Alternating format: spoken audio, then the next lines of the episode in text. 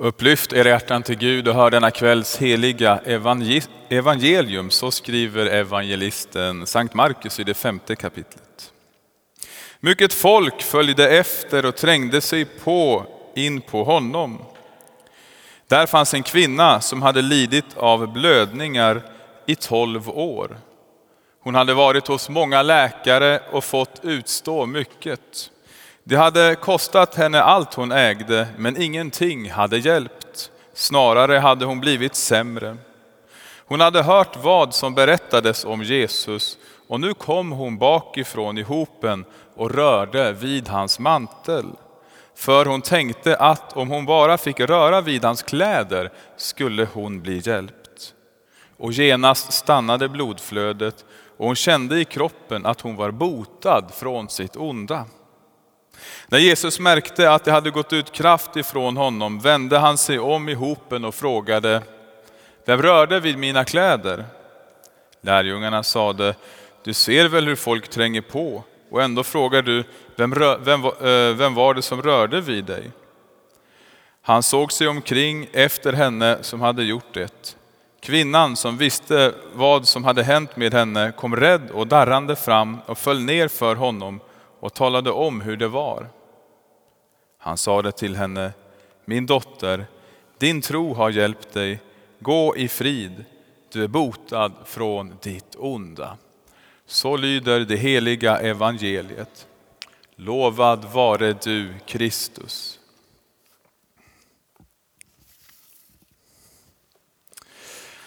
Eh, I min prästtjänst i den församling som eh, jag jobbar i Sigtuna så har jag glädjen att en gång i veckan vara på en skola. Jag är skolkaplan där.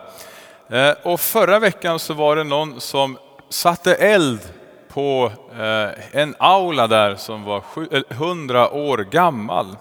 Och veckan innan det var det någon som riktade ett hot mot skolan. Man skrev på någon internetsida att vi ska komma till skolan, vi har med oss vapen och satte skräck Eh, eh, i skolan och eleverna. Så man låste in alla elever i matsalar och sådana saker. Och vaktbolag och polis kom och man lyckades ju eh, övermanna den här killen och han togs av polis. Och sen hörde man i veckan också om det här fruktansvärda som hände i Vetlanda, ni vet, men någon gick runt med någon macheta och liksom högg åt olika håll. Och alla dessa händelser, det är tecken på att det är någonting som inte är som det ska i våran värld. Och det beror på att det finns en ond makt som vill förgöra och en ond makt som vill sprida hopplöshet i vår värld. Och på något sätt binder oss människor och våra liv i en ständig kamp mot ondskan, mot den onda makten, mot sjukdomen, mot åldrande, mot död och andra attacker. I kvällens evangelium så möter vi en kvinna som eh, är ofrivilligt, eller ska vi säga, ofrivilligt drabbad av den här eh, ondskan. Vi hör att hon har varit allvarligt sjuk i hela 12 år. Och under den här tiden så har hon förtvivlat försökt med liksom mångtalet läkarbesök. Hon har utstått precis allt man kan tänka sig. Hon har tömt alla spargrisar. Men ingenting hade hjälpt henne. Det blev snarast sämre hör vi i texten. Och det som är så speciellt med den här kvinnan är det att de här 12 åren som hon utstod av blödningar och jobbigt med sjukdomen, det var bara en liten del utav hennes plåga. Därför att det som hände med en sån här människa som hon med blödningar och så, det gjorde, gjorde henne ceremoniellt oren. Så hon hade inte bara sjukdomen att stångas med och försöka få hjälp med, hon var också helt avskuren ifrån samhällets välsignelser eh, och liksom eh, den gemenskap och så som man annars hade.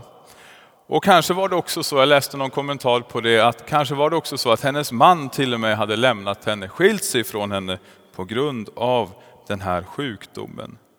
Så liksom år efter år hade hon haft en tuff nedåtgående spiral, själsligt och fysiskt. Och liksom, det blev värre och värre helt enkelt för varje år som gick. Den här världens brustenhet och den här ondskan som liksom genomsyrar den här världen på så många sätt hade drabbat henne hårt. Inför sjukdom, inför åldrande, inför död så drabbas vi människor ofta utav maktlöshet. Och det är lätt att frestas att ge upp. Men den här kvinnan med blödningarna, den här kvinnan med allt det här jobbiga, hon är verkligen en stor förebild för dig och mig när det kommer till att hålla ut en liten tid. Att hålla ut i det svåra.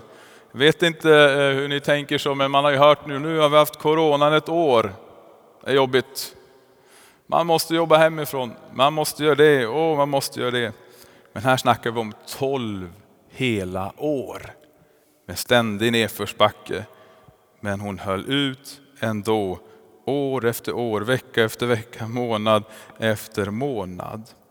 Hennes liv hade inte liksom blivit så som hon hade önskat. Och trots det stora lidandet, trots besvikelsen i hennes liv, så gav hon liksom inte upp. Hon valde att kämpa mot det där onda. Tog upp kampen. Hon la sig inte platt för det som var svårt.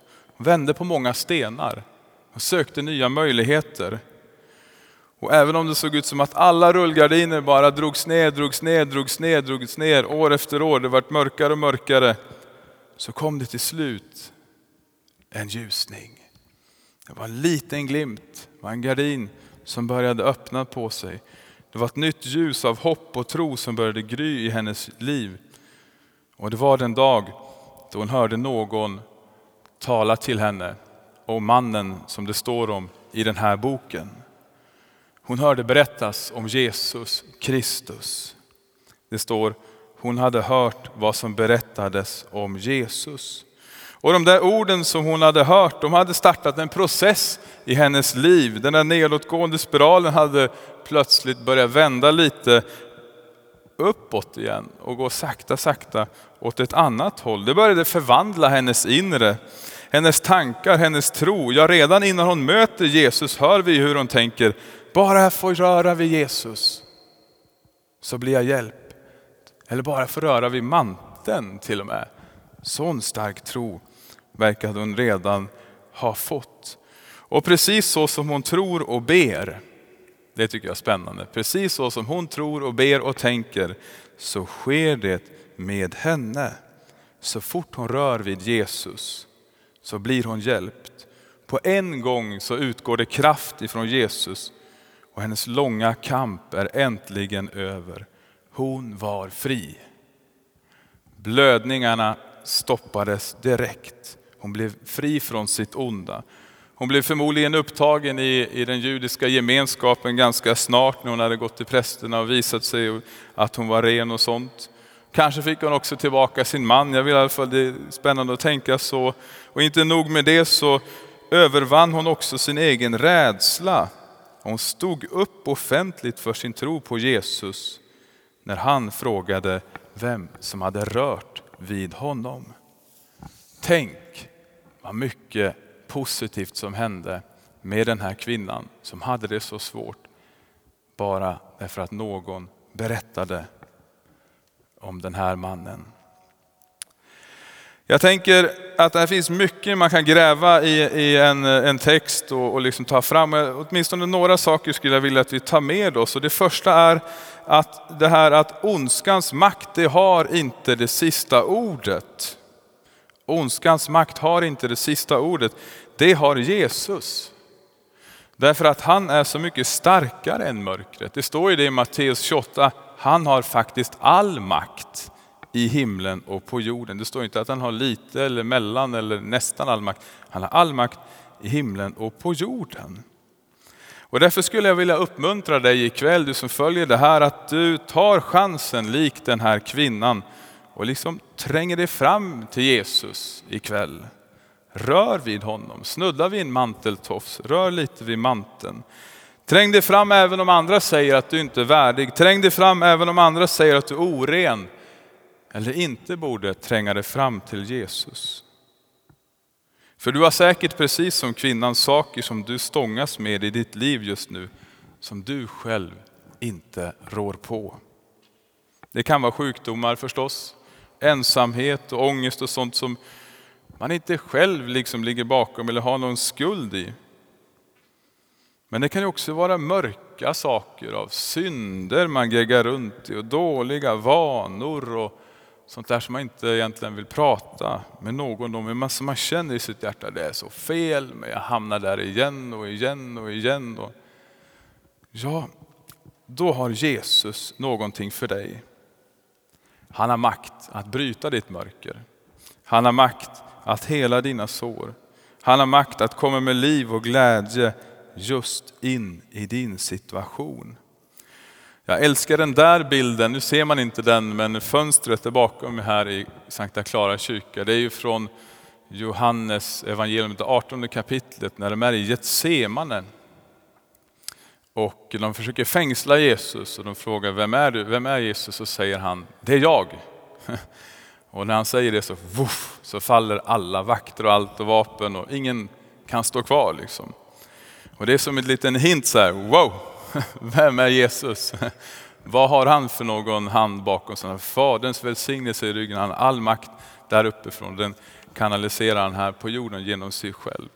Och det är den också som du kan, kan få del av och liksom näpsa och stänga och stänga dörrar till i ditt liv där du behöver göra det eller där det behövs ett helande eller något annat. Det är det första. Jesus har mer makt än ondskan, även om ondskan vapenskramlar väldigt mycket. Det andra är att du och jag kan göra väldigt mycket skillnad faktiskt eh, här på jorden.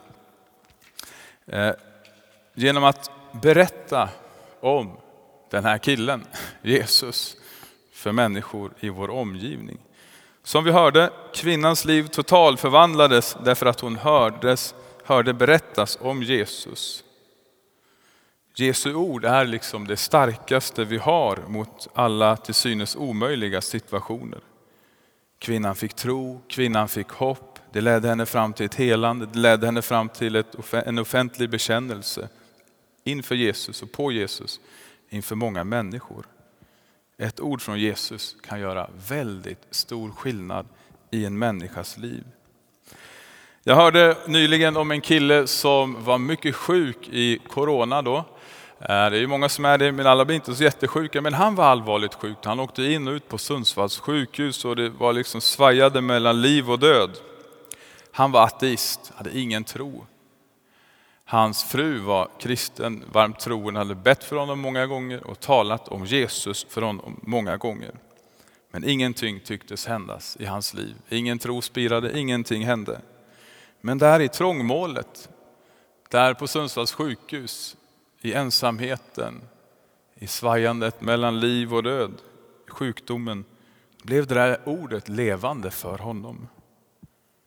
Han tog det där sista hoppet Jesus och vände sig till honom.